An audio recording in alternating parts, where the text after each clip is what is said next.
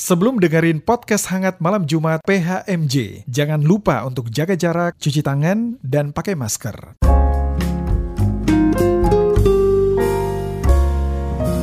Podcast hangat malam Jumat. Halo, selamat malam Sobat Hangat. Senang sekali rasanya kita sudah bisa beribadah kembali di gedung gereja ya. Tapi senangnya nggak bisa berhenti di situ aja. Kita tentunya bersyukur, kita bersuka cita karena kita bisa kembali bertemu di podcast Hangat Malam Jumat PHMJ kali ini. Dan Sobat Hangat, malam ini kita akan ngobrol-ngobrol tentang salah satu bentuk pelayanan yang ada di gereja, terutama di GPIB Kasih Karunia ya. Pelayanan ini kayaknya nggak pernah kelihatan di depan jemaat, apalagi kalau bicara pelayanan di atas mimbar gitu kan. Ada yang mau nebak pelayanan semacam apa? Iya, malam ini kita akan ngobrol dengan para pelayan di balik layar. Untuk itu, Sobat Hangat, kita sudah kedatangan ada tamu-tamu spesial malam ini. Saya menyapa ada Bang Jevon, Halo. ada Bung Jori, Ya, halo Bung Dodi. dan juga yang pasti ada Ibu Pendeta Artomil Kalia Persang bersama kita. Selamat malam semuanya. Malam, malam. Malam, selamat malam. Kabar baik?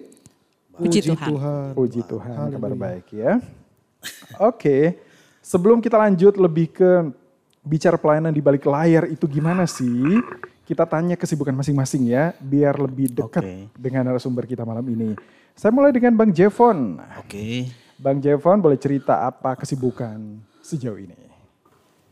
Kebetulan sejauh ini eh, saya di pegawai swasta ya. Pegawai swasta.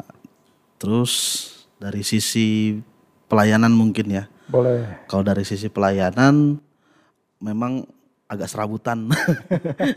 Cuma G- Gimana tuh? Gimana serabutan? serabutan enggak, enggak serabutan juga sih maksudnya memang udah diperbantukan juga. Jadi dulu eh, awal-awal kita mulai pelayanan baru merintis mengenai eh, apa ya eh, dari sisi audio mulai m- mulai ke multimedia lagi seperti itu. Kita mulai riset ke mana-mana soal itu. Jadi eh, dulunya memang fokus di multimedia dan eh, organis, tapi sekarang memang diperbantukan untuk multimedia Oke. seperti itu. Jadi selain eh, di multimedia, Bang Jevon ini juga organis di gereja. Yes. Ya, oke.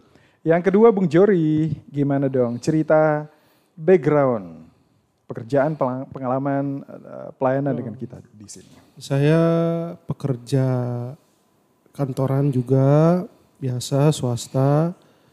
Terusnya eh, ya kayak biasa sih kerja, kayak kerja kayak biasa Senin sampai Jumat jadwalnya kerja. Kalaupun untuk pelayanan, eh, saya sekarang selain di paduan suara juga juga sekarang untuk fokus di sound, Oke. di bagian soundnya seperti itu. Oh ya, eh saya balik lagi ke Bang Jevon. Pelayanan emang dari dulu sudah di sini di Kasih Karunia.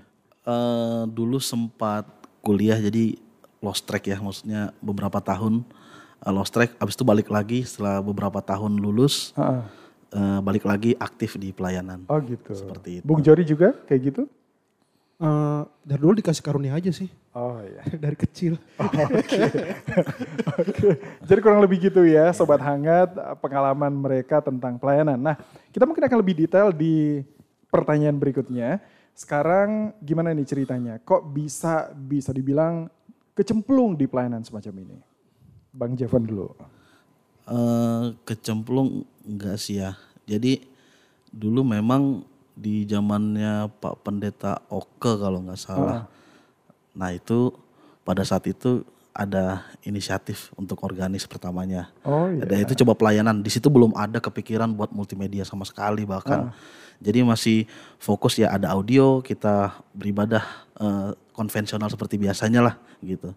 Setelah eh, empat tahun hilang ke Bandung bukan hilang ya maksudnya Fokus kuliah. fokus kuliah ke Bandung ya gitu ya. Jadi setelah balik lagi eh, kita itu istilahnya eh, oh ternyata eh, bergeraknya zaman itu eh, butuh yang namanya bukan hanya audio doang. Ternyata eh, kita juga butuh visualnya juga. Hmm. Eh, alangkah baiknya jika dibantu dengan eh, visual itu sendiri. Nah, kita itu riset pertamanya. Saya ingat itu dulu saya risetnya sama Bang David. Eh, si David Samosir. Oh, nah, David Samosir. Iya, Basir lah ya. Eh, Basir lah ya. Eh, Da- eh, David Samosir kita cari tahu dulu ini gimana sih cara menunjukkan eh, apa eh, mengolah mengolah apa yang bisa kita eh, gunakan untuk membantu visualisasi. Ya memang tujuannya memang membuat eh, membuat ibadah itu lebih lebih lagi kita dapatin pesannya ki- eh, lebih lebih lagi eh, interaktif tidak tidak hanya eh, apa namanya rely on suara aja. Jadi seperti itu. Jadi semua semua aplikasi kita coba-cobain. Benar-benar kita coba-cobain dari yang aplikasi yang open aplikasi yang eh, buatan-buatan sendiri sampai yang aplikasi yang mahal punya kita coba-cobain. Akhirnya kita eh, akhirnya kita eh, ngomong tuh ke PHMJ pada saat itu. Pada saat itu eh, dengan oh ternyata ada aplikasi nih yang desain lah Oh, iya. untuk eh, kita coba gitu. Nah di situlah mulainya gitu Oke. Sedangkan dari sisi organis itu saya juga masih baru baru eh, get back lah maksudnya baru baru recall lagi dari dulunya pernah sering latihan sekarang dari 4 tahun itu udah hilang sama sekali tuh yang namanya Selama waktu kuliah ingatan nggak itu. ini? Di Bandung nggak ikut pelayanan gereja di mana begitu? Nope. Jadi kayak istilahnya ya ikutin aja sebagai jemaat, Jemaat aja. biasa. Oke. Ya tetap di GPIB di sana ada di GPIB juga. Heeh. Eh, cuman ya karena kuliah itu jadi memang nggak terlalu fokus juga untuk eh, masuk ke dalam pelayanannya, tapi tetap ikut ibadah gitu. Oke. Kalau Bu Jori tadi bilang sekarang lebih fokus ke sound. Iya. Gimana ceritanya tuh? Jadi awal mulanya sih lebih tepatnya mencemplungkan diri ya. Karena jadi kita kan punya ketua tim multimedia tuh si Aldo ya. Aldo. Jadi saya ngomong sama Aldo eh, untuk saya mau ikutan lah pelayanan. Maksudnya untuk jadi sound di situ. Kenapa saya milih jadi sound ya? Main musik kayak Jevon nggak bisa. Nyanyi pas-pasan kan. Jadi ya pede aja kita mau melayani ya. Saya, saya saya sendiri ngomong ke Aldo, "Do, gua dong kasih jadwal dong, gue pengen ngelayanin tuh jadi soundman. Seperti itu sih. Oke oke. Mencemplungkan diri. Ya, jadi eh, malam ini kita bicara soal pelayanan multimedia dan juga teknis sound yang pasti semua jemaat yang hadir pengen sesuatu yang terbaik gitu kan dalam ibadah. Nah, coba cerita ke sobat hangat proses yang kalian bikin gitu sampai jemaat ngerasa, wow kita ngelihat sesuatu yang baik nih di sana. Kita dengar sesuatu yang baik banget nih pada saat ibadah. Prosesnya tuh gimana? Javon? Oke. Jadi kalau untuk prosesnya sendiri sebenarnya eh, kita selalu minta bahan di depan dulu. Jadi bahan selalu eh, ya minimal banget itu satu hari sebelumnya itu udah telat banget sebenarnya ya. Ya idealnya sih Jumat udah keluar, udah kita bisa gunakan untuk eh, istilahnya mengolah mengolah eh, eh, apa namanya tata ibadah itu Oke. tata ibadah itu sebagaimana eh, apa namanya kita bisa visualisasikan dengan baik supaya informasinya itu sampai Heeh. di ya baik di kalangan kita yang muda eh, sampai eh, kalangan yang memang usianya sudah seperti eh, udah. Diterima semua kalangan. Iya.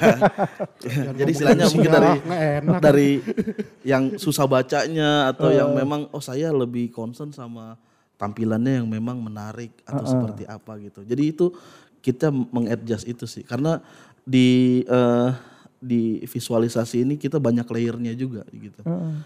Jadi bukan hanya bahkan kita eh, audio ini memang eh audio eh, media ini kita eh, kolaborasi dengan audio juga gitu. Oh iya. Karena ada audio visual juga kadang-kadang memang kita menyajikan eh, video, dengan ditambah dengan audio itu juga gitu. Jadi kita kerjasama juga sebenarnya. Oke. Seperti itu. Jadi hari Jumat dapat materi, Ya. hari Sabtu diolah supaya hari Minggu kita bisa ngelihat Yes. yang baik yang ada di sana ya. Yes. Oke, kalau Bung Jori gimana nih untuk pastiin bahwa sound yang keluar tuh bener-bener enak nih di kuping dari jemaat. Jadi sebenarnya sih kasih kasih dikasih karunia ini puji Tuhannya untuk talent di sound tuh banyak banget, Bung. Awalnya awal tuh saya tuh nggak tahu apa-apa, tapi karena belajar dari mereka saya jadi tahu kayak misal contohnya saya belajar dari Agus, Saya belajar dari Ricky juga. Heeh. Karena uh, Ricky sama Agus juga banyak yang setting untuk uh, pasang-pasang sound juga kan segala macam dan mereka yang biasa di settingan awal. Jadi ketika kita di lapangan uh, di lapangan itu ketika kita sedangkan kita di saat kita yang bertugas kita biasa setting lagi sesuai dengan keadaan saat itu bagaimana. Makanya di setiap itu saya biasanya datang kalau untuk ibadah gereja ya ibadah gereja kalau saya pernah ibadah gereja saya biasa datang paling itu paling cepat jam 8 ya paling paling lama jam 8.15 lah saya sampai kalau untuk ibadah gereja. Jadi karena saya mau coba sound-soundnya. Mm-mm. Karena takutnya ketika kalau misalnya saya datang mepet ada yang mati Oh, entah iya. itu karena jack, entah itu karena apa, seperti itu. Jadi yang penting saya coba dulu nyala semua, nyala semua ya baru aman. Mm. Seperti itu. Karena kalau ntar tiba-tiba jack apa tuh mati di tengah kan kalau saya datang mepet mati di tengah, wah itu ya Iya, iya. jadinya kelabakan jadi saya nggak bisa ngapa-ngapain lagi kalau udah ibadah kan. Betul, dan yang pasti mengganggu kenyamanan pada saat beribadah ya. Jadi poin itu persiapan sangat penting. Iya. Nah, kalau jemaat kan mungkin melihat pelayanan kalian sebagai sesuatu itu yang teknis. Dan mungkin bagi banyak orang, bagi jemaat ya itu kegiatan rutin di gereja gitu kan. Nah, em, kalau kalian melihat dari pelayanan ini gimana sih? Apa misalnya bicara soal teknis audionya tuh yang bagus begini, kalau multimedia baiknya begini. Gimana kalian melihat? Mungkin Bung Jori dulu. Kalau untuk sound sih untuk yang sekarang ya, untuk yang sekarang kita punya sih sudah saya bilang cukup cukup bagus sih. Hmm. Dari dari mixernya, dari kita punya speaker segala macam tuh udah udah memadai lah kalau saya bilang udah memadai. Jadi kalau untuk eh, sampai sekarang mungkin kalau untuk kekurangan ya, Hmm. misalnya ada kekurangan, saya belum lihat ada kekurangan di gereja kita untuk masalah sound gitu loh karena sekarang lagi masih bagus Oh, gitu iya. loh sekarang masih bagus dan untuk mungkin mungkin mungkin eh, ada beberapa yang mungkin mesti ya, kayak kabel mesti diganti sebenarnya Oh. perawatan perawatan perawatan alatnya sih yang sangat penting seperti itu karena Oke. untuk gereja untuk gereja kita dengan yang tekstur bangunan yang tinggi Hmm. awalnya itu memang setting awal tuh feedback semua. Oh, Feedback semua kita setting awal feedback semua karena waktu itu kita juga dibantu sama Carlos pernah sempat waktu itu. Dari dia anak gereja GPB Kasistia. oke. Itu semua setting sound feedback karena kita punya gedung yang tinggi dan jadi mental ke mana-mana Iya, iya. seperti itu. Tapi sekarang puji Tuhan sih masih aman. Itu Oke, aja sih Bang. oke. Puji Tuhan masih aman, kita punya alat masih bagus. Ya itu aja sih. Iya, iya. Dari sisi multimedia, yang kategori bagus tuh, menurut Bang Javon gimana tuh? Oke, untuk eh, multimedia sendiri sebenarnya karena memang teknologinya bisa bisa dibilang kalau yang sekarang ada itu eh, harus idealnya sih sebenarnya canggih banget ya. Ah, ah. Tapi eh, sekarang kita itu masih ada di pertengahan sih, belum belum secanggih Iya, iya. secanggih secanggih eh, gereja-gereja yang memang lai- lainnya seperti itu. Tapi yang bisa saya bilang sih sebenarnya informasi dan memang eh, visualisasi yang memungkinkan orang untuk eh, mengikuti Hmm. ibadah itu sebenarnya sudah sangat memadain juga sebenarnya seperti itu. Sekarang sudah cukup memadai, sangat Cukup- memadai ya. Sangat memadai. Tapi bicara soal yang tadi Javon bilang soal canggih, pernah nggak sih mengupgrade skill? Pernah nggak main-main ke gereja yang lain lihatnya, wow begini nih. Kita jadiin modelnya kayak gini nih Iya. yang pengen kita terapin di kita, pernah nggak? Pernah banget gimana, dan gimana itu ceritanya? itu sebenarnya memang eh, skill ya skill eh, skill SDM memang eh, ada. Cuman memang ada memang eh, sebagian produk-produk yang sophisticated ya. Memang ada yang dari eh, mengikuti teknologi seperti eh, banyak layer. Bahkan ada yang pakai CGI itu.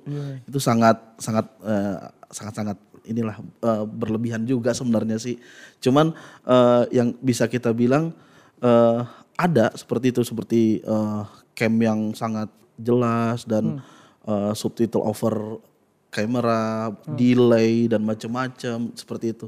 Eh, cuma itu bisa mengikuti itu eh, mengikuti eh, teknologi aja sebenarnya sih. Oke. Di saat kita memang memerlukan itu eh, benar-benar memerlukan itu akan kita prioritaskan untuk itu gitu. Kita akan eh, suggest juga. Ap- Mungkin ada juga yang kayak misalkan eh, dari sisi aplikasi. Sejauh ini aplikasi yang kita pakai memang freeware ya. Jadi memang eh, dari situ eh, copyrightnya juga memang untuk community jadi terbuka untuk semuanya. Jadi kita tidak masalah soal itu. Tapi eh, ada juga yang memang eh, aplikasi yang sangat ya sangat baik dan memang berbayar soal itu gitu. Oh iya. iya. Ya. Ya, oke. Bung Jori soal sound, soal lihat-lihat ke tempat yang lain. eh, saya pernah waktu itu ke salah satu gereja karismatik di daerah Pik, Pantenda Kapuk. Heeh. Itu soundnya saya bilang, wah keren banget sih. itu saya naik ke soda itu ber- dia punya mixer tuh, ini satu meja ini kan ini berapa berapa panjang ini. Iya. Itu, itu mereka lengkap banget.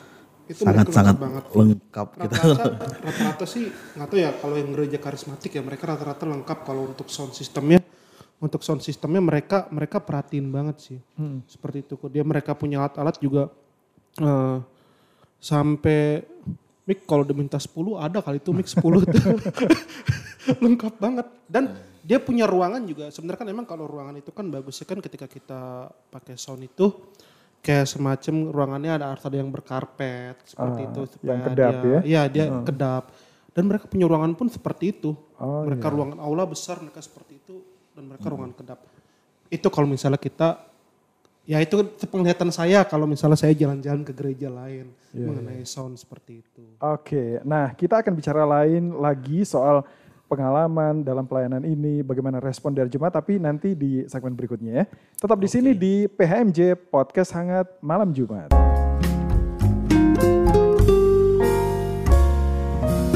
Podcast hangat malam Jumat. Masih di PHMJ Podcast Hangat Malam Jumat buat kalian semua sobat hangat, kita bicara soal para pelayan di balik layar. Dan segmen tadi kita udah dengar ya, ada Bang Jevon, ada Bung Jori, dan kita juga di sini bersama Ibu Pendeta Arto Milka Lia Persang. Nah, kita tadi sudah bicara, sudah dengar cerita dari Bang Jevon dan Bung Jori bahwa yang namanya persiapan itu penting ya dalam pelayanan di bagian mana pun itu, termasuk dalam memberikan uh, multimedia yang baik, memberikan sound yang baik juga gitu kan. Nah, persiapan mereka juga lumayan gitu, termasuk sambil lihat-lihat di tempat yang lain gitu, ambil perbandingan dan mengupgrade skill. Nah, saya mau ke Bang Javon dulu ini. Biasanya ada respon nggak dari jemaat? Misalnya apa sering mereka kasih apresiasi minimal, oi makasih loh tadi multimedia keren banget, saya suka tuh. Ada nggak kayak gitu? Eh, sebenarnya kebanyakan kalau kalau yang datang ke saya itu dalam keadaan masalah. Oh. itu biasa kalau misalnya eh, di bidang eh, di bidang ini, misalnya di multimedia di balik layar. Biasanya kalau ada yang mendekat ke saya, pasti itu ada masalah. Kalau nggak masalah, Oh gitu. Jadi kalau orang datang udah, wow ada apa nih? Ada apa nih? ada apa nih? Biasanya ada masalah nih. request lagu Antara nggak kedengaran di sana atau slide-nya mati di sini Oh iya. atau ah, seperti itulah gitu. Jadi eh, lebih banyak kalau yang datang itu cenderung komplain sih. Oh gitu. ya. Apa aja yang sering dikomplain jemaat? Wah, banyak sih ya. Ada yang tulisannya kekecilan, Oh, ada yang backgroundnya nutupin tulisan, oh iya. tulisan miring tulisan miring tulisannya fontnya ngaco gitu kan. Ada yang tulisannya nggak standar tulisannya. fontnya ngaco itu. gitu Tulisan isinya sama, cuma fontnya yang ngaco gitu. Oh, gitu, Ada ah. gitu. Ada juga yang Mas Ka- Kalau ada kayak ini ada apa gambar-gambar pohon atau apa gitu, ada nggak? Ada ada yang datang komplain, loh, Saya nggak suka tuh begituan. Oh, ada kalau- ada bintang-bintang gitu Jadi- ada nggak? Jadi ada yang modelnya eh, yang yang backgroundnya agak warna kuning biar saya ada kelihatan gitu karena dia mungkin rabun warna tertentu Oh, gitu. Ada iya, ada yang iya, gitu iya, ada. iya. Saya pernah datang ke saya gitu. Kalau bisa font yang warnanya yang seperti ini gitu. Tapi somehow orang lain juga datang warnanya jangan yang warna ini katanya. Hmm. Iya, iya, nah itu wah itu lucu banget. Jadi akhirnya kita omongin ini sebenarnya seperti apa sih perlu standar gak sih gitu. Di ini. Nah akhirnya kita bikin standar waktu itu sempet sempet sekalinya waktu itu ada komplain agak keras ya. Jadi kita itu bikin cuman putih sama hitam, udah kayak buta warna semuanya. Jadi bukannya karena kita nggak mau, tapi karena karena Lagi ngetes. dari jemaat maunya ini, dari jemaat maunya itu juga gitu. Ah. Saya nggak mau warna ini, saya maunya yang bergerak, saya maunya yang seperti itu. Akhirnya kita bikin standar standar yang sama untuk semuanya. Itu pernah saat itu gitu. Pada saat Berapa lama itu bertahan? eh, mungkin sempet itu eh, setengah tahun ya seperti oh, itu. Iya. enam bulanan. Iya. Dan Sampai itu ada yang datang lagi, komplain lagi. sampai ad- sampai mulai kayak istilahnya udahlah masa gambarnya itu, terus gitu. Oh. Akhirnya balik lagi jadi ya agak interaktif lah mengikuti tema lah ya gitu seperti itu balik lagi. Iya, iya. Kalau dari sisi soundnya gimana, Bung Jori? Sebenarnya nggak jauh beda sih sama dari Jevon yang tadi cerita sih. Heeh. Rata-rata kalau yang datang ke sound ya pasti ada masalah. yang minta minta dikecilin lah, ada yang minta digedein lah, ada yang bilang kadang berdengung lah waktu itu pernah katanya gitu, wah tuh di depan dengung tuh, dengung. Yang speaker sebelah kanan, speaker sebelah kanan kata dengung tuh dengung. Pas saya ke depan, saya saya nggak denger dengung, dengung karena sound saya nggak denger. Tapi mereka bilang dengung dengung. Pas saya ke sana ke depan bukan sound yang dengung Apanya tuh? nggak tahu di belakang tembok kita itu Ah. ada mesin AC. Oh, Nah itu yang bikin dengung, kedengeran kayak dengung, dengung. Jadi kan AC jalan dan itu muter, itu yang bikin dengung. Speakernya mah no problem, oh, nggak ada masalah. Paling gitu sih kalau kalau di sound ya nggak jauh beda deh, Iya. nggak jauh beda. Ya pasti yang datang ya rata-rata komplain Heeh. gitu loh. Ya entah entah ada apanya apanya lah atau tiba-tiba mungkin di waktu mepet tiba-tiba ngasih flash disk ya. Iya. Ada yang pernah ngasih flash disk? buat buat apa? Buat apa? musiknya. Mungkin dia lagi terpanggil untuk melayani gitu, untuk untuk apa? Untuk eh, apa? Kesaksian pujian seperti itu. Oh gitu. Tolong dong gitu. Kan karena kita memang eh, lamanya sebenarnya di apa namanya persiapan ya. Semakin matang persiapan kita itu sebenarnya semakin rapi gitu. Iya. Jadi ya kadang-kadang kalau misalnya acara besar seperti Paskah, Natal seperti itu, itu ada yang ada yang nyempil-nyempil acara nyempil-nyempil semua. Bahkan eh, udah di tengah-tengah itu ada acara lagi masuk lagi gitu. Wah itu luar biasa itu. Sebenarnya seperti itu. sih. Kadang yang mendadak itu sih yang susah ya. Ya. Mendadak itu Karena susah. waktu itu gitu. saya lupa di apa. eh, ada yang nggak perlu saya sebut lah namanya. Sebut saja dia mawar. Sebut, sebut, sebut. Enggak ada orang. Saya lupa di ibadah waktu itu ibadah lagi apa. Dia ngasih dia ngasih file untuk video. Hmm. Saya itu kalau misalnya ada video, kalau misalnya saya di- dikasih di awal kan saya enak bisa ngetes. Suaranya keluar apa enggak. Oh iya. Seperti iya. itu kan. Dan ketika dia ngasih video di situ, tuh suaranya ini, suaranya nggak keluar. Oh. Videonya jalan, suaranya nggak keluar. Katanya itu kabel. Jadi saya udah saya udah uh, kabel aux itu biasanya itu selalu dicolok. Tapi ketika itu kabel auxnya nggak ada. Oh. Jadi Saya kan- videonya karena ada, kan- nggak, audionya nggak keluar. Saya karena mendadak itu saya nggak sempat ngecek kan. Iya iya. itu ada kabelnya apa enggak segala macam. Tapi ketika kalau misalnya saya dikasih di awal sebelum ibadah mulai, saya masih bisa ngecek kabel itu kepasang apa enggak segala macam. Karena itu kan satu hal yang fatal ya. Hmm. Jadi ketika di situ kan jadinya kan jemaat tuh kayak ngeliat ini bidadari turun dari langit pada ke belakang semua langsung ngeliatin. Oh, soalnya nggak ada nih. Iya, Semua tiba-tiba mata saya- tertuju iya, semua mata padamu. tertuju langsung ke soundman dan saya nunduk aja. siapa tuh siapa tuh ya? Siapa tuh, siapa itu, guys? Siapa itu, Oh? Iya iya iya. Nah lihat begitu. saja nanti. Kalau bicara jemaat itu kan kita punya macam-macam level ya.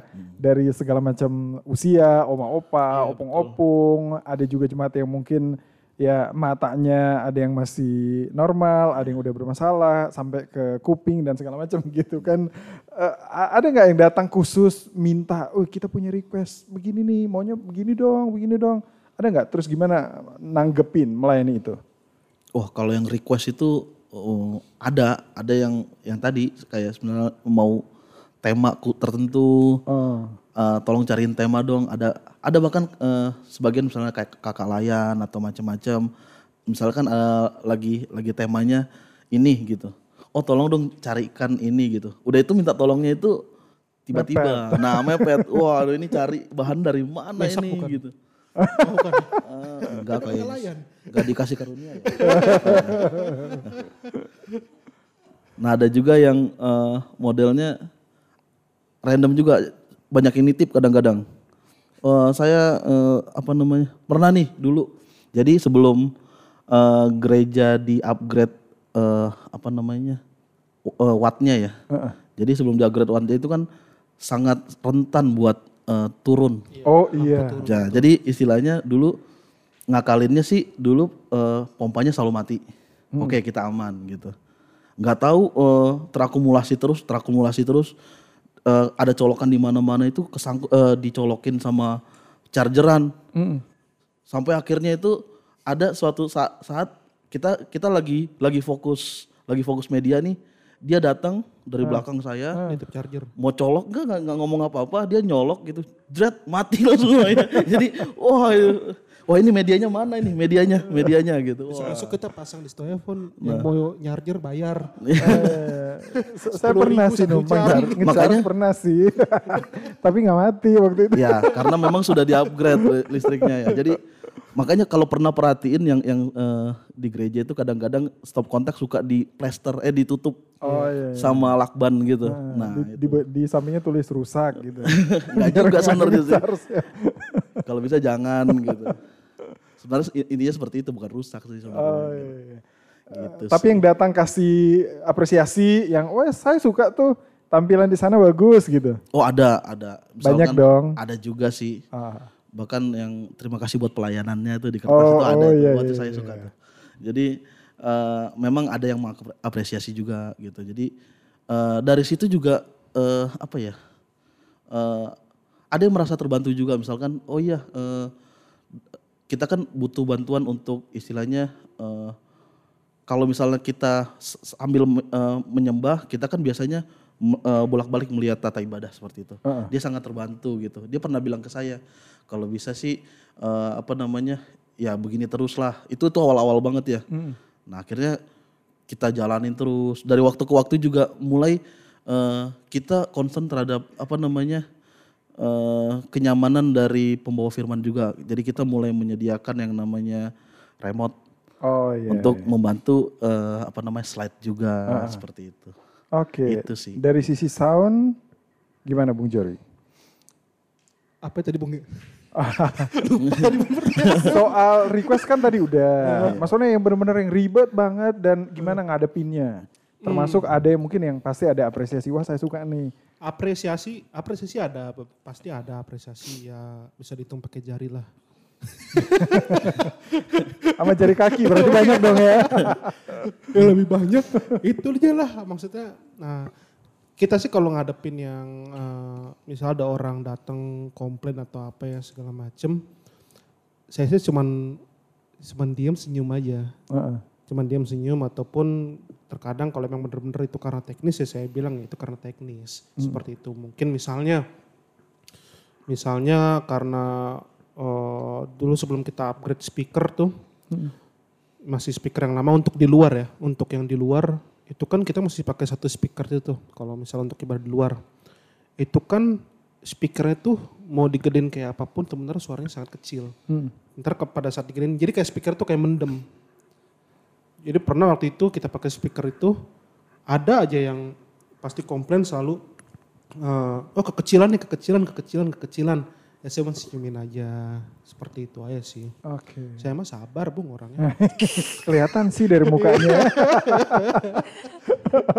Banget sabar. Iya, iya, iya. Saya ke Ibu Pendeta karena Ibu Pendeta kan pasti udah ngerasain yang di mimbar dan sebagai jemaat Bu ya. Ya, Ibu ya. ada di antara eh, jemaat, dengar juga, Iya. melihat juga bagaimana eh, tampilan multimedia, bagaimana Iya. kualitas sound yang ditampilkan. Ya. Ibu tipe yang mana? Saya takut jawab, tanya mereka deh saya masuk yang mana. Kalau eh, untuk tampilin apa di multimedia, biasa kalau ibadah saya suka pakai itu kan eh, apa PowerPoint. Awal-awal pernah sih eh, kirim kirim ya, eh, biasanya Sabtu Sabtu malam gitu. Cuman eh, kadang-kadang terus kalau udah udah dikirim terus eh, dipikirkan lagi di apa itu kan masih ada sekian waktu sampai pagi.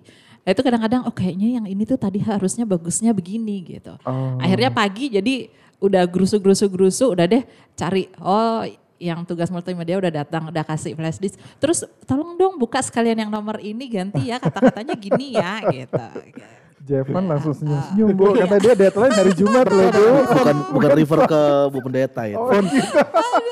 Berarti ada lagi ntar terima jasa edit. Tapi kalau itu itu yang lalu-lalu gitu ya. Tapi karena gitu-gitu terus perasaan juga ya gitu. Eh, mereka udah udah sibuk dengan itu itu semua ya udah. Jadi eh, biasanya sih saya ya sekarang-sekarang itu bawa, baru bawa eh, flash disk pagi. Jadi datang pagi eh, nanti lihat siapa tugas multimedia kasih gitu. Iya. Untuk, ya, biasanya sih kalau sudah pagi itu sudah lebih lebih lancar sih udah nggak pakai edit nggak pakai ganti nggak pakai apa udah langsung itu aja gitu. Iya. Nah, sebagai pendeta, Ibu melihat ada keberadaan teman-teman kita nih, Bu. Seperti Bang Jevon, seperti Bung Jori yang ada di tim multimedia, di tim sound system. Ibu eh, apa merasa terbantu atau sebaliknya sejauh ini, Bu? Eh, terbantu banget ya, terbantu banget eh, karena saya nggak nggak ngerti yang gitu-gitu gitu. Eh, saya sama sekali lah gitu, sama sekali nggak ngerti itu kalau ini harus bagaimana dan. Kalau bikin PowerPoint, bikin animasinya, munculnya begini-begini itu masih ngerti gitu. Tapi terus dia bisa jadi dari flash disk itu muncul ke layar itu saya nggak ngerti gimana caranya gitu ya. Jadi eh, dengan mereka itu sangat terbantu gitu, sangat sangat terbantu gitu. Apalagi eh, beberapa kali kadang kalau kayak mau pakai eh, ada munculin video gitu ya. Nah itu itu eh, saya nggak ngerti gimana caranya dari eh, PowerPoint yang itu di stop dulu, terus muncul videonya dulu, baru nanti balik lagi ke situ gitu. Ya dengan adanya mereka saya tinggal ngomong gitu kan. Saya taunya di atas oke jadi Oke. gitu. Beres Pernah nggak semua sama gitu. kayak cerita Jori tadi, Bu? Ada video, video udah nongol, tapi audionya nggak ada. Kan pasti Ibu Ah. duluan ya langsung lihat kan? Jangan dia lah. Enggak, enggak. Enggak pernah, enggak pernah. Eh, biasa, ibu, bukan ibu. biasanya kalau kayak gitu sih saya itu sih. Benar bukan saya itu. biasanya kalau kayak gitu saya eh, ambil waktu lebih awal gitu. Pokoknya kalau saya tugas hari Minggu eh, jam 8 itu saya udah udah nyampe di GKK 2 gitu. Dan itu saya udah langsung ke eh, ruang multimedia, ketemu kakak-kakak yang sound, malah kadang-kadang kalau eh, apa masih belum ada jemaat, saya suka ke, ayo cek dulu suara, cek dulu suara, saya ke mimbar tengah gitu ya, saya coba ngomong-ngomong di situ gitu. Oke. Karena kan aturnya beda ya, kalau saya ngomong terus pendeta lain ngomong itu kan beda, bener Iya, ya iya. gitu ya, Ha, Suara kayak gitu. kecil dia. Iya. Heeh, bener tuh, suara saya lebih kecil gitu. Jadi ya kayak gitu gitu. Jadi harus eh, dan dengan adanya mereka sangat sangat sangat sangat sangat membantu. Oke, terima kasih Ibu. Nah di segmen berikutnya Sobat Hangat, kita mau tanya ke Bang Jevon dan Bung Jori tentang arti pelayanan ini. Abis ini ya, tetap di PHMJ, Podcast Hangat Malam Jumat.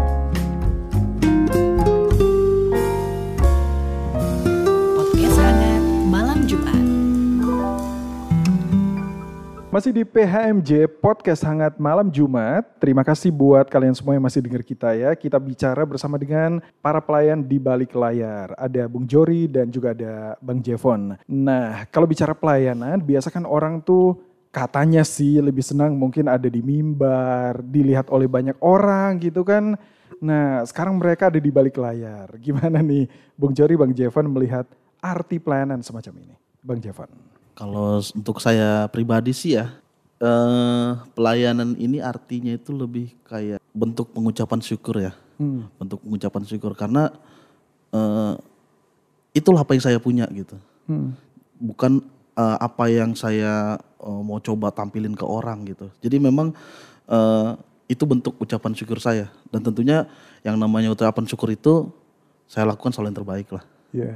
Saya nggak mau nyisin waktu yang sisa. Saya mau terbaik. eh, kalau bisa persiapan itu yang terbaik. Kalau memang eh, perlu ada yang memang eh, se- seperti kayak request atau ada eh, tadi permintaan, komplain atau seperti apa. Memang pada dasarnya mereka eh, kelihatannya mungkin eh, marah atau Heeh. pengen mengkritik kita. Tapi menurut saya sih kita sama-sama pengen apa namanya Yang terbaik. terbaik buat eh, Tuhan lah gitu. Iya. Jadi memang kita itu nggak waktu waktu pertama kali riset itu nggak langsung disediain semuanya. Jadi balik lagi ke feedback mereka itu lebih kayak ngelihat oh ternyata media itu membantu akhirnya prioritas dinaikin lagi seperti dulu eh, apa namanya kita dat kita pertamanya itu benar-benar dari satu laptop benar-benar sama satu laptop sama satu proyektor itu juga yang kecil sebelah. Mau nampilnya cuma sebelah gitu. Oh ternyata sebelah itu kurang tambah satu. Ternyata eh, laptop itu ada ada apa namanya keterbatasan performance. Oke di- eh, kita anggarin lagi untuk PC yang memang dedicated. Dan PC itu eh, oh ternyata PC itu kalau misalnya mati bahaya gitu. Akhirnya dibeliin lagi power supply. Dari waktu ke waktu istilahnya istilahnya dari teman-teman atau dari eh, apa namanya dari bahkan dari jemaat sendiri oh saya nggak nyaman nih pernah. Jadi istilahnya waktu di gereja itu pernah perhatiin kan dulu dulu kalau kita tampilin layar itu nggak kelihatan karena yang namanya ibadah pagi cahaya itu masuk. Kebetulan gereja kita itu cahaya terang. Nggak kayak di gereja yang sering saya lihat itu gerejanya cenderung tertutup untuk bagian tampilannya. Jadi pakai yang eh, apa proyektor kecil juga eh, nggak terlalu problem gitu. Kebetulan kita itu pencahayaannya karena di atas itu kaca semua otomatis cahaya masuk nembak ke dalam. semua, iya. itu pernah perhatiin tuh. Jadi istilahnya eh, terang banget.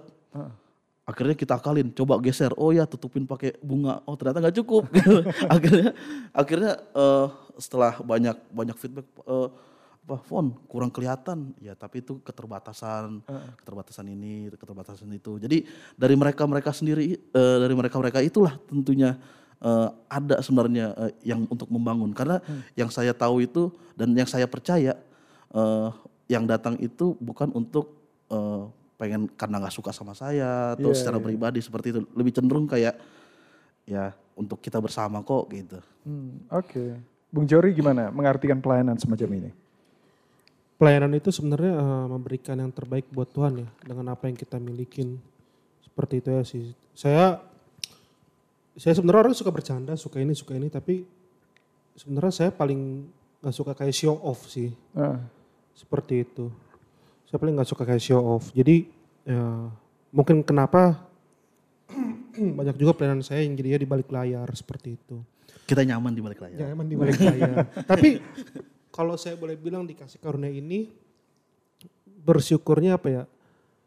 Kalau yang saya lihat eh, apa KMJ-nya dan PH pokoknya KMJ pokoknya pengurus gereja deh KMJ dan pengurus gerejanya itu sangat mensupport apa yang yang kita mau seperti itu loh dalam hal yang positif ya.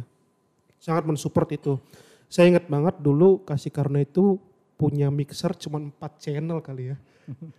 Empat channel terus ya naik lagi ini yang delapan channel ini. Tujuh ya tujuh tujuh delapan channel. Adanya, iya ada yang kita pakai sekarang. karena bawaan dari GKK lama. Yang terusnya speaker ya ya seadanya lah kalau saya bilang. Iya.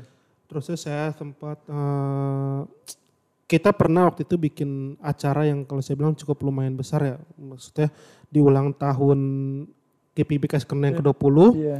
dan kemarin ulang tahun yang keberapa ya? Kok 18? Oh 24 ya? 24. 20 dan 24 Ini kita. besok 24. Hah? Enggak dong yang tahun kemarin. Yang 23. 23 yang gue panitia lupa ya 23 ya. Iya kalau nggak dua-dua, dua-tiga. itu itu. Oh, saya ya, ingat waktu pokoknya yang itulah. yang apa tuh yang acara ulang tahun yang ke-20 itu mixer masih sewa tuh. Oh yang itu. Masih sewa, Iya, iya, masih. Karena kita masih cuman waktu itu cuman baru punya yang 8 8 channel. Tapi kemarin itu tapi kemarin eh kita udah punya sendiri kan, Iya, 20 channel lebih. Wah, Lu mau taruh mau, mau kasih masuk alat musik apa juga tuh situ bisa tuh. Jadi kita kita punya sendiri nggak perlu sewa. Sewa aduh nggak usah lah sewa sewa. Iya, iya, iya. Ya pasti ada Speaker speaker udah KMJ dan iya. semua mensupport Iya, ya. super speaker udah memadai. wireless ada kondensator Buat 20 tahun Heeh. Itu kan pakai pakai lighting, pakai sound segala macam, lampu mati-mati bung, Iya iya. listriknya masih kecil drop drop, Iya. ya, drop drop. Tapi kemarin lancar jaya, Wah. semua listrik semua nggak ada mati-mati udah udah kayak konser itu, Oh, hebat iya. Oke. karunia lah. Yang tadi saya bilang eh, pelayanan bagi banyak orang kan ya harus di depan, harus dilihat oleh banyak orang gitu. Kalau kalian pernah sih nggak pernah nggak ngerasa minder orang ngerasa ah ini mah cuman soundman, ah ini mah cuman ngurus-ngurus slide. Pernah nggak ada ada rasa begitu nggak? Jevon? Ya kalau saya sendiri sih orangnya memang nyaman di belakang, Belakang layar, ya. layar, iya, iya. Jadi ya santai aja gitu, nggak terlalu perhatiin apa yang mau orang bilang. Pad- Karena pada dasarnya pelayanan itu bukan untuk entertain mereka gitu, iya. tapi untuk Tuhan sekali lagi seperti itu. Lagian di kita nggak ada kan begitu? Gak ada yang begitu. Nggak Gak ada ada, gitu. dikasih karunia. nggak maksudnya. Bung Jori. Kalau saya sih eh, apa namanya? ya, Kalau misalnya pun ada yang komplain atau apa, terkadang saya juga jadi apa ya? Jadi masukan buat saya juga gitu loh. Terus ya pun kalaupun kalau bilang nggak nggak pede atau apa, saya sih orangnya pede-pede aja sih bung. Beneran deh. Ya tadi saya bilang saya awalnya nggak tahu apa-apa, pede aja dah ngutak-ngatik sound. Dajar nama Agus sama Ricky, Iya. biarin aja. Saya mau nyemplung, mau nyemplung, nyemplung sekalian, kecemplung, kecemplung sekalian. Saya, saya orangnya gitu. Jadi saya nggak pernah mikirin sih mau minder atau apa, saya enggak sih. Oke. Kalaupun mau ada, misalnya ada yang komplain sambil marah-marah, yang tadi saya bilang senyumin aja lah. ya kan, senyumin aja. Iya, iya, iya. Seperti itu aja sih. Dan itu jadi dan jadi masukan mungkin, mungkin ya terkadang kita kan sebagai pelayan juga kan maksudnya saya sebagai yang megang sound juga ada keterbatasan kan. Mungkin memang saya setelah kegedean atau saya setelah kekecilan dan mereka kasih inputan itu yang nggak masalah buat saya sih. ya maaf gitu ya. Kayak ya udah sih gitu kan maaf gitu loh. Ya maaf Tapi kan kali, gitu. ya balik lagi yang tadi kan bukan untuk mengentertain apa jemaat ya Fon ya. Tapi itu kan emang semuanya untuk kemuliaan Tuhan aja sih. Iya itu yang penting. Oke, nah kalau kerjaan eh, kalian ngerjain pelayanan teknis semacam ini kan, dan kalian juga harus fokus di beribadah, Ya. pasti gitu dong ya. Eh, ibadah dan peralatan yang harus kalian eh, pokoknya operasikan pada saat ibadah. Gimana cara kalian menikmati ibadah supaya bisa jadi maksimal? Kan bagi banyak orang datang ke gereja, duduk, diam, nyanyi, doa, dengar firman Tuhan gitu. Eh, gimana kalian harus fokus di dua hal ini? Kalau saya sih lebih ke banyakin persiapan ya. Heeh. Kalau persiapan semakin matang itu cenderung lebih tenang, lebih lega gitu ya. Jadi kalau mau eh, melakukan sesuatu itu jangan yang tiba-tiba. Makanya kalau saya tugas biasanya alarm saya saya cepetin satu jam ke depan gitu. Walaupun nggak terlalu pengaruh karena karena yang Satu kita jam ke depan telat dong Fon. oh enggak ke, ke belakang. Mak- Maksud saya Gue pikir satu jam ke depan telat dong. malah nantangin gitu. oh enggak ke belakang maksud. Di awal. Lebih awal maksudnya. Oke. Nah, kira-kira seperti itu. Jadi karena yang udah kita persiapin aja kadang-kadang mess up loh. Jadi yang apa namanya? Yang tadi yang yang paling lucu itu ada kayak kita dari dari beberapa eh, waktu yang lalu ya. Jadi pernah ngalamin ini. Istilahnya eh, kalau kita itu kan punya event-event tertentu. Nah, ke- pas lagi event-event tertentu itu biasanya alat musik lengkap. Channel ke mana-mana. Eh, nyolokin juga udah ngasal semuanya. Nah, ya apa namanya setelah panitia beres-beres beres-beres eh, gimana? Minggu minggu depannya, waduh itu itu benar-benar kacau itu eh, settingannya kayak gimana seperti itu. Karena ya, saya bilang walaupun pers- persiapan kita udah matang sekalipun, Iya betul. selalu eh, ada aja terjadi seperti itu. Jadi istilahnya ya persiapan sih sebenarnya lebih banyak ke persiapan sih. Iya. Semakin matang persiapan ya cenderung kita apa namanya lebih tenang untuk melakukan itu gitu. Dan kedua memang jam ter- terbang juga sih kadang-kadang awal-awal itu suka gemeter. Walaupun kita di belakang kadang-kadang kalau nggak sing orang ngeliatin juga. Heeh. Ada yang kadang-kadang eh, salah lirik, salah lirik. Maksudnya kayak eh, tulisannya salah gitu, nggak nyambung. Itu Iya. kejadian-kejadian yang seperti itu sering terjadi juga kalau misalnya di jalan. Setelah itu, setelah panik itu yang bahaya. Selanjutnya itu udah ngaco ke mana-mana biasanya. Iya, iya, iya. Jadi kalau misalkan di kita itu lebih banyak eh, apa namanya di di tata ibadah kita ikutin juga gitu. Dua satu bait kah, dua bait kah, ada yang kita miss kah atau seperti apa gitu. Itu sih. Oke, Bung Jori, gimana cara menikmati ibadah bersamaan dengan harus beraktivitas macam ini? Kalau untuk di sound sebenarnya Bung karena kita sudah setting di awal ya. Kita sudah setting di awal. Mm. Jadi ketika itu beri ketika ibadah kita ikut jalanin ibadahnya aja. Jadi maksud saya tuh eh, kita udah setting di awal jadi kita nggak perlu setting lagi di tengah-tengah. Kecuali kalau ada hal urgent ya. Yang tadi yang saya bilang mungkin tiba-tiba ada video atau tiba-tiba ada eh, mic mati Iya. gitu loh seperti itu. Jadi kalau kita udah setting di awal biasanya kita udah ya tinggal ikutin aja gitu loh. Ya paling eh, terkadang juga pernah ya tadi yang Jevon bilang juga kalau misalnya habis ada acara besar minggu kemarinnya terus ya mau ada ibadah minggu besok ya pernah tuh waktu itu kejadian itu semua channel berantakan Oke. semua channel berantakan saya nggak tahu itu siapa yang setting kemarin segala macem tiba-tiba biasanya misalnya Klasinova misalnya di channel 6 tiba-tiba tuh bisa di channel yang lain Heeh. jadi pada saat kita itu kan untungnya saya datang awal waktu itu. Jadi pas saya nyalain semua dek nggak ada yang nyala. Oh. Jadi udah pindah channel semua. Paniknya luar biasa. ya. Paniknya tuh luar biasa itu kayak gitu. Apalagi itu padahal baru baru maksudnya saya udah datang di awal loh. Gimana kalau saya datang mepet? Iya, iya, iya. Itu panik luar biasa. Saya lihatin ini apanya, saya lihatin itu. Pas lihat, ya ampun itu keyboard udah di channel apa, itu mic pendeta udah di channel apa, segala macem. Akhirnya betulin lagi settingan seperti itu. Tapi yang tadi saya bilang kalau untuk sambil beribadah karena kita udah setting di awal. Balik lagi kita udah setting di awal jadi kita, kita ikutin aja, kita jalanin aja. Seperti itu sih. Oke. Nah, apa pesan kalian mungkin terutama bagi anak-anak muda ya? Anak-anak muda yang sebenarnya pengen sih pelayanan di gereja gitu kan, tapi seperti tadi Bung Jerry bilang, waduh saya nggak berani untuk nyanyi nyanyi di depan jemaat. Saya nggak punya kemampuan untuk main musik, tapi dia punya kemampuan lain di sisi teknis. Apa yang kalian bisa pesan buat anak-anak muda yang juga pengen terjun ke pelayanan bagian ini? Buat teman-teman sih yang mau terjun di pelayanan ini, eh, jangan nggak ada pernah kata apa ya, jangan ditanamin dalam diri tuh kalau kalian tuh nggak pede gitu loh. Hmm. Kalian ka- kalau kalian tuh nggak bisa ngerasa ngerasain nggak bisa apa-apa. Hmm. Yang tadi saya bilang saya awalnya tuh nggak tahu apa-apa, tapi di sini teman-teman ngajarin gitu loh. Mereka ngajarin, mereka kasih tahu ini begini loh jornya, begini loh jornya, begini jornya. Dan akhirnya kita sampai ngerti Hmm. seperti itu. Jadi nggak usah takut lah.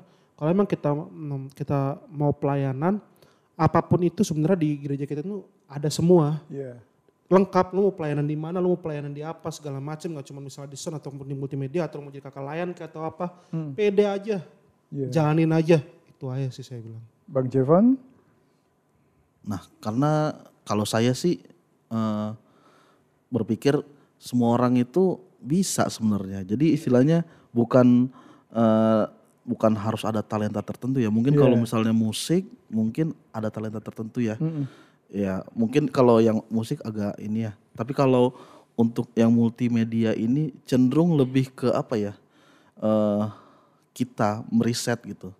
Jadi kalau yang untuk teman-teman yang istilahnya oh saya nggak bisa, bukan bukan seperti itu gitu. Jadi kita itu juga dulu seperti itu. kita malah cenderung nekat malah dulu. cenderung nekat. Jadi jadi justru kita pertama kali, saya ingat pertama kali saya tampilin slide itu, saya sama David itu bilang ke kita izin, kita izin ke apa namanya ke jemaat bahwa bahwasannya kita itu mau mau menampilkan sesuatu, maaf kalau ngaco, maaf kalau ini. Nah itu karena kita bilang dari awal, Iya. mau itu pelayanan buat musik, mau itu pelayanan buat eh, apa namanya eh, media juga gitu. Karena semua orang itu pasti ada awalnya gitu. Ya itu da- dari penyesuaian-penyesuaian yang bisa dibilang keras, bisa dibilang apa. Jadi istilahnya bahkan kalau dari tim kita itu tim eh, multimedia ataupun audio itu juga kita tuh nggak pernah sejarahnya itu ninggalin. Jadi istilahnya kalau oke ada yang datang nih, saya apa namanya mau nih untuk eh, melayani gitu. Enggak kita jorokin sendiri di situ, enggak gitu. Jadi eh, kita itu lebih tandem sih, tandemin, Ditandem ya, ditandemin. Cenderung lebih banyak eh, apa namanya? Oh liatin dulu lah. Jadi jadi ceritanya kayak kopilot dulu lah ya. Iya, iya, iya. Jadi diliatin gimana cara belajar sambil ya. belajar. Magang dulu. Enggak, enggak makan. Jadi kopilot lah kita bilang ya, supaya agak kerenan gitu-gitu ya. Oke, oke. Jadi Nah, seperti itu lah. Terima kasih Bang Jevon, Bung Jori. Nanti habis ini kita bicara bagaimana Alkitab melihat para pelayan di balik layar. Tetap di sini ya. Oke. Di PHMJ Podcast Hangat Malam Jumat.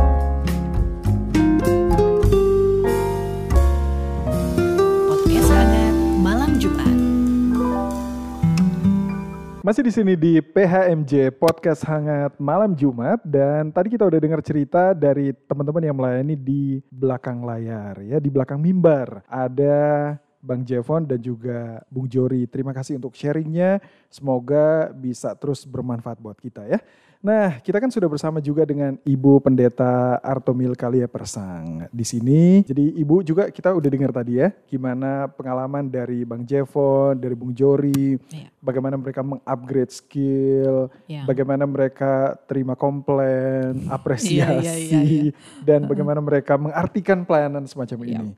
Apa yang kita bisa pelajari mungkin dari Alkitab soal pelayanan ini, Bu? Iya, Eh, saya mau bilang eh, apa ya untuk bicara pelayanan itu pelayanan itu eh, saya lebih lebih lebih eh, prefer lebih suka mengartikannya itu bahwa pelayanan itu kerja buat Tuhan gitu.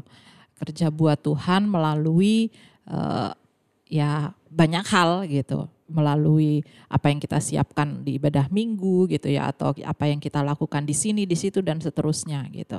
Jadi eh, ya pelayanan itu itu gitu. Nah kalau bicara apa yang tadi disampaikan oleh eh, Kak Jevon dan Kak Yori tentang apa yang mereka lakukan di belakang layar gitu saya waktu baca judul mikir juga sih layar mana ya kayaknya tuh tembok deh yang membatasi gitu ya bukan layar gitu tapi oke lah itu itu yang dikasih judul gitu.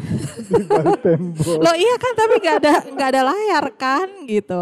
Eh, ya tapi eh, yang saya mau bilang begini untuk pelayanan yang mereka lakukan ini mungkin orang nggak lihat mereka gitu. Apalagi kayak model model posisi di gereja kita ya itu kan tempatnya di pinggir eh, di bawah tangga gitu. Orang kalau udah naik tangga udah buru-buru udah nggak lihat gitu. Terus kalau turun tangga biasanya sambil ngobrol sambil ini itu dengan yang lain akhirnya nggak lihat juga bahwa ada orang di situ gitu kan. Apalagi kalau yang sudah duduk di depan laptop, eh laptop PC, PC ya, di depan PC itu persis di bawah tangga gitu. Itu jadi kalau orang lewat lewat ya udah nggak kelihatan gitu. Tapi walaupun mereka ada di situ dan mereka nggak kelihatan gitu ya istilahnya keberadaan mereka nggak kelihatan yang mereka eh, apa kerjakan juga. Orang lihatnya ya ada di situ duduk-duduk baik-baik kok mereka gitu ya. Eh, kesannya gitu ya gitu. Tapi yang saya mau bilang ya hasil kerja mereka itu jelas gitu. Hasil kerja mereka itu eh, kelihatan gitu. Kita bisa rasakan itu di dalam setiap ibadah. Bukan hanya ibadah minggu kalau ibadah keluarga yang kebetulan pakai GKK 2 kan eh, pakai juga gitu ya eh, apa namanya multimedia dan juga soundnya juga harus diatur gitu. Begitu juga kalau ibadah pelkat. Jadi ya memang eh, mungkin orangnya nggak kelihatan gitu, tapi hasil kerjanya itu nyata jelas gitu. Itu gitu. Itu itu poin-poin penting gitu. Pelayanan yang mereka lakukan itu eh, sesuatu yang sangat penting gitu. Eh, saya lupa persisnya, tapi eh, waktu itu di eh, waktu rekaman untuk PAPT. Jadi entah bagaimana awal mulanya eh, rekaman udah selesai bagian PT, lalu kemudian ketika dicek soundnya, eh, ternyata soundnya nggak kerekam Oh, oh. gitu. Soundnya nggak ada. Eh, dicoba lagi, dicoba lagi dan coba lagi berapa kali sampai mereka suruh ulang. Ya udah deh kalian gak usah nyanyi satu lagu full, setengah aja gitu. Sambil kita coba untuk rekam. Ternyata nggak juga gitu. Eh, waktu itu ada beberapa yang ditelepon-telepon untuk untuk supaya bisa gitu. Akhirnya eh, dis- disiasati dengan merekam tiap 10 menit ya. Direkam tiap 10 menit gitu. Ada Kak Mesah waktu itu. Eh, sampai saya bilang gini, aduh ini gimana caranya ini gitu ya. ya tapi ya udahlah gitu. Eh, akhirnya dikerjakan gitu 10 menit 10 menit. Kita rekaman tuh dari sore. Dan hanya untuk merekam PA dan PT kita selesai. Saya pulang sampai rumah tuh saya lihat jam eh, masuk rumah itu setengah 12 Oh, malam. Eh, sampai di rumah anak-anak saya bilang kok kalian belum tidur kan kita tunggu mama kenapa mama lama sekali dan seterusnya dan seterusnya pertanyaan mereka gitu saya bilang iya tadi ada ada masalah di sound terus gimana ya udah cerita sep- eh, sepotong gitu. Nah dari situ saya eh, saya sempat bilang sebelum saya pulang saya sempat bilang gini aduh kepala saya panas banget nih saya bilang gitu. Gimana nggak mau kepala panas? Ini ngerekam dari sore sampai malam eh, ya ya begitu ngerekamnya sepotong-sepotong gitu kan. E, dan ya hasilnya pun iya iya iya kedengeran kedengeran tapi nggak maksimal gitu jadinya gitu. Nah itu itu menunjukkan bahwa ya keberadaan kakak berdua ini apa yang mereka lakukan dalam pelayanan e, yang kita uh, bilang di belakang layar itu itu sangat penting gitu. Tadi kan juga dibilang ya uh, Kayori tadi yang bilang ya suara saya itu pelan gitu ya. Hmm. Suara saya itu kecil gitu. Uh, saya belum pernah rasa sih di sini ketika mati lampu dan saya harus pimpin ibadah gitu ya. Mungkin itu baru sampai baru sampai uh, apa amanat hidup baru kali ya petunjuk hidup baru suara saya mungkin sudah habis karena saya harus ngomong keras sementara saya tidak uh, bisa untuk itu gitu ya uh, ya ya begitu gitu itu itu menunjukkan bahwa mereka penting banget gitu terus juga uh, ya untuk multimedia, multimedia kan uh, kita tampilin tata ibadah di situ gitu. Kita sekarang udah mulai diingatkan untuk selalu mulai mengurangi kertas gitu yeah, ya yeah. untuk hmm. paperless hmm. gitu. Terus ya dengan PowerPoint itu juga menolong gitu ya ketika kita, uh, eh, saya atau pelayan firman menjelaskan uh, renungannya, khotbahnya, menyampaikan lalu kemudian ada gambar, ada tulisan, itu membantu orang untuk bisa mereka nggak cuma dengar tapi uh, lihat visual itu kan menolong hmm, sekali hmm. gitu ya gitu. Itu uh, saya sengaja sampaikan itu mau tunjukkan bahwa apa yang mereka buat itu penting banget gitu. Yeah. Itu penting banget gitu.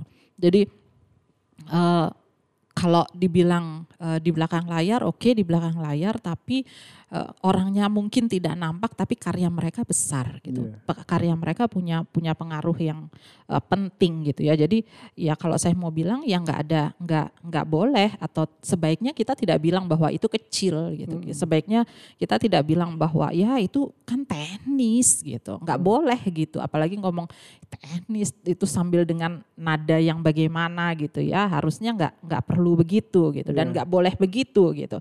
Kita justru harusnya memberi apresiasi gitu. Hmm. Saya tadi uh, waktu mikir-mikir kira-kira nanti jawabannya apa ya kalau uh, ditanya ada nggak apresiasi ternyata ada gitu ya. Uh, uh, ya itu baguslah berarti jemaat kita sudah sangat sadar gitu ya bahwa ya pelayan ini pelayanan ini nih semua tuh uh, terinteg tersambung satu dengan yang lain gitu ya. Uh, pelayan firman bisa melaksanakan atau menyampaikan firmannya dengan baik ketika didukung oleh uh, petugas uh, multimedia yang menampilkan gambar, menampilkan visualnya bagaimana dan ada teman-teman di bagian sound yang mengatur sehingga suaranya bisa terdengar dengan baik gitu ya. Uh, ya itu semua ter, tersambung menjadi satu, itu semua menjadi satu hal yang penting gitu. Dan ya kalau bicara tentang yang besar yang kecil ya nggak boleh gitu dan harusnya memang jemaat mengapresiasi itu dengan sungguh gitu. Yeah. Iya. Uh, kalau uh, tadi tadi kayak ya yang bilang ya adalah yang bilang yang ini yang menghargai gitu ya tapi nggak banyak gitu ya ya mungkin dengan dengan saat ini dengan uh, ketika kita dengar, dengar ini, ini ya. gitu ya berarti ya kita mungkin bo boleh untuk lebih lebih menghargai iya, itu ya, gitu ya. Uh, saya waktu uh, pendeta awal-awal itu di uh, jemaat yang waktu itu waktu saya masuk mereka belum punya uh, apa namanya apa istilahnya itu sound system ya. Iya, belum ada. Belum ada waktu itu. Waktu Masih saya masuk ini, itu pertama belum ada. Pakai toa. Enggak pakai juga, jadi oh. cuma mimbar doang gitu. Di tempat lain. Bukan di jemaat. Waktu saya pertama, waktu saya pertama jadi pendeta, nggak ada sama sekali nggak ada gitu. Uh, gerejanya lumayan sih ukurannya uh, dia panjang gitu ya. Uh, ya lumayan lah uh, ukuran besar kali lebarnya saya nggak terlalu ini, tapi lumayan lah. Jadi uh, awal saya di situ tiap selesai ibadah minggu, pokoknya kalau sudah selesai khotbah itu saya harus minum dulu. Terus uh, ketika nyanyi itu saya nyanyi respon ya, saya nggak ikut nyanyi gitu karena saya mau simpen suara saya untuk kan masih ada pengakuan iman rasuli doa syafaat kan yeah. sampai terus selesai berkat gitu ya. Saya harus simpen baik-baik gitu karena uh, supaya nggak habis. Saya udah rasa ya. gatel, saya sudah rasa nggak enak gitu. Dan waktu pertama it, kali itu benar uh, waktu yang berkat itu suara saya sudah berubah dan rupanya eh, mereka perhatikan dan saya juga ngomong gimana ya supaya bisa saya dibantu gitu dengan peralatan. Oh iya Bu, nanti kita ini kan siapkan. Berapa waktu kemudian ada lah gitu. Tapi ya karena di daerah ya, jadi semua terbatas. Yang penting sudah bunyi aja, sudah kedengeran suaranya pendeta aja udah selesai gitu. Eh, itu ya penting gitu, perlu gitu. Saya eh, membayangkan gitu ya seandainya eh, mereka ini terus bilang ah sudahlah kita nggak usah lah di di multimedia kita nggak usah lah di sound system terus apa yang ngatur? gitu kan. Itu kan menunjukkan bahwa itu sangat penting gitu. Itu sesuatu yang eh, harus harus kita hargai gitu. Kalau memang selama ini kita belum ya harusnya kita meng- memberikan penghargaan untuk itu gitu Eh, jemaat memberikan penghargaan untuk itu gitu nah eh, dari situ eh, apa ya pesen gitu ya, eh bukan pesen lah ya gitu. Pesan kok kayaknya kayak- kayaknya saya tua banget gitu ya. Terus anak-anakku gitu ya gitu. Eh, mungkin saya mau bilang gini, eh, ini ini ayat yang yang selalu saya eh, sampaikan ketika ada kesempatan bicara di antara pelayan gitu. Saya pelayan Tuhan juga dan saya menyatakan bahwa ya kakak-kakak ini semua juga pelayan Tuhan gitu Iya. kan. Tadi kan jelas bahwa pelayan itu apa yang kita kerjakan buat Tuhan gitu ya. Mau di bagian mana pun ya ketika itu buat Tuhan itu pelayanan gitu lewat keberadaan jemaat. Nah ayat ini eh, saya mau bacakan ini eh, buat Kak Jevon, buat eh, Kak Yori, buat semua pelayan-pelayan Tuhan baik yang ada di belakang layar, yang ada di depan, yang kelihatan langsung, yang tidak, yang ah pokoknya semua deh gitu ya. Tapi terutama untuk mereka gitu ya. Iya. Karena kalau yang di depan ya orang bisa langsung bilang makasih ya tadi bagus loh gitu. Tapi untuk mereka kan kurang gitu ya. Eh, tapi saya mau katakan begini eh, pesan ini untuk untuk untuk terutama untuk kalian gitu ya. Saya ambil dari Kolose, Kolose pasal 3 ayat 23. Saya baca ya. Saya baca Kolose pasal 3 ayat 23. Apa pun juga yang kamu perbuat, perbuatlah dengan segenap hatimu seperti untuk Tuhan dan bukan untuk manusia. Mau orang bilang kecil, mau orang bilang di belakang layar, mau orang bilang nggak kelihatan, yang orang bilang pelayan teknis, yang orang tidak menghargai atau apa pun itu eh, tetap tetap lakukan yang terbaik karena ya yang kalian buat itu untuk Tuhan. Itu Oke. Aldi. Jadi tetap lakukan yang terbaik karena itu yang kita semua lakukan untuk Tuhan. Ya. Iya. Oke. karena kita kerja buat Tuhan, Ibu ya. Yes. Ibu Pendeta Lia, thank you banget Sama-sama. sudah memberikan kita pemahaman tentang bagaimana pelayanan ya dalam bentuk apa pun, di mana pun itu, itu kita bekerja buat Tuhan dan kita harus berikan yang terbaik. Thank you banget Bung Jori, Iya, Bung Dodi. thank you juga Bang Javon ya Sama-sama. untuk pelayanannya, sukses buat karir Amin, amin, dan amin. kehidupan kalian juga Amin, ya. amin. Nah, buat sobat hangat, itu tadi obrolan hangat kita seputar pelayanan di balik layar bersama dengan Bung Jori, Bang Jevon, dan Ibu Pendeta Lia. Nah, sobat hangat, semoga diskusi kita malam ini bisa membuka mata kita lebih lebar tentang pentingnya bentuk pelayanan apa pun itu ya. Yang tadi Ibu Lia bilang kerja buat Tuhan. Oke, sekali lagi terima kasih untuk semuanya. Terima kasih buat sobat hangat yang sudah dengar. Sampai jumpa di podcast hangat malam Jumat edisi berikutnya. Selamat malam. Selamat malam. Selamat malam semuanya.